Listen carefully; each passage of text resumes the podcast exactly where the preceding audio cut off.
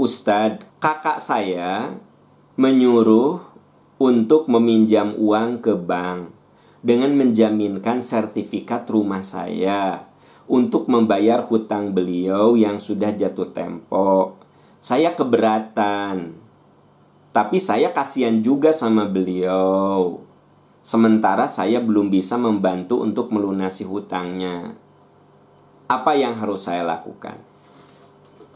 Ya tentu saja menolong saudara itu sesuatu yang sangat mulia, sesuatu yang sangat agung. Tapi prinsip dalam Islam itu tidak boleh menjurumuskan diri pada kebinasaan. Itu rumus ya.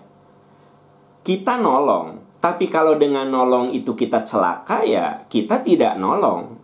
Jadi yang paling penting dalam rumus Islam itu adalah darul mafasid muqaddamun ala jalbil masolih. Menolak kemadorotan harus diprioritaskan. Sekarang begini, Anda punya rumah satu yang Anda pakai sekarang.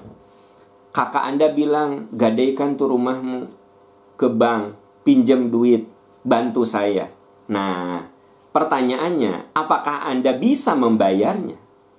Kalau Anda tidak bisa membayarnya, tentu rumah Anda yang satu-satunya itu diambil oleh bank. Ya nggak sih? berarti Anda menjerumuskan diri pada kemadorotan. Nah, Anda tidak perlu menolong kakak Anda. Kenapa? Bukan tidak mau menolong, tetapi kalau Anda berusaha meminjam ke bank dan Anda pun tidak jelas bagaimana mengembalikannya, kan otomatis nanti Anda akan juga mengalami kemadorotan. Apa kemadorotannya? Anda jadi tidak punya rumah. Nah ini tolong rumus dalam Islam itu kita harus nolong. Tetapi tetap jangan membinasakan diri kita. Ya, ya Anda lebih baik terus terang sama kakak Anda bahwa Anda tidak bisa nolong untuk kondisi ini. Ya, kamu kok nggak mau nolong saya, gadaikan tuh rumah kamu. Nah, Anda katakan kalau rumah saya digadaikan, nanti saya tidak bisa bayar, saya harus tinggal di mana? Ya Anda ada saat kita kudu menunjukkan kondisi yang sesungguhnya. Ya. Rumus dalam Islam, kita kudu nolong orang, tetapi tidak boleh menimbulkan kemadorotan, begitu. Ya. Contoh yang lain. Biar ada ilustrasi lah.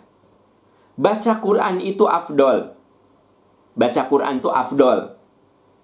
Tapi kalau ternyata Anda harus menjemput anak karena tidak ada yang bisa menjemput, ya, maka menjemput anak lebih wajib daripada baca Quran, gitu. Kenapa? Karena kalau Anda biarkan anak Anda tidak dijemput, dia belum siap untuk pulang sendirian, ya. Maka tinggalkan baca Quran, jemput anak, itu contoh yang sederhana. Ya, contoh yang sederhana. Saya mau Jumatan. Ketika saya mau pergi Jumatan, tetangga saya ada yang kena serangan sakit, sebut saja serangan jantung. Nah, suaminya nggak, eh, suaminya kena serangan jantung. Saya mau Jumatan. Apa yang harus saya lakukan? Saya bawa dia ke rumah sakit, ya dan saya tinggalkan Jumat, saya ganti dengan duhur. Nah, jadi ternyata sahabat-sahabat sekalian, rumus dalam Islam itu menolong itu harus, ya. Menolong saudara itu harus. Tapi kalau Anda sampai menggadaikan rumah, meminjam uang ke bank, bari Anda juga belum tentu bisa membayarnya, ya sudah, Anda tidak perlu menolong kakak Anda tolonglah dia sesuai dengan kadar kemampuan Anda.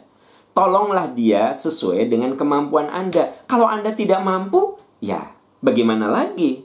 Ya, kita tidak dituntut kecuali yang kita bisa, kita mampu, gitu. Memang kasihan, tapi nanti kalau Anda jadi tidak punya rumah, kasihan anak Anda. Gitu masalahnya, ya. Wallahu a'lam bissawab.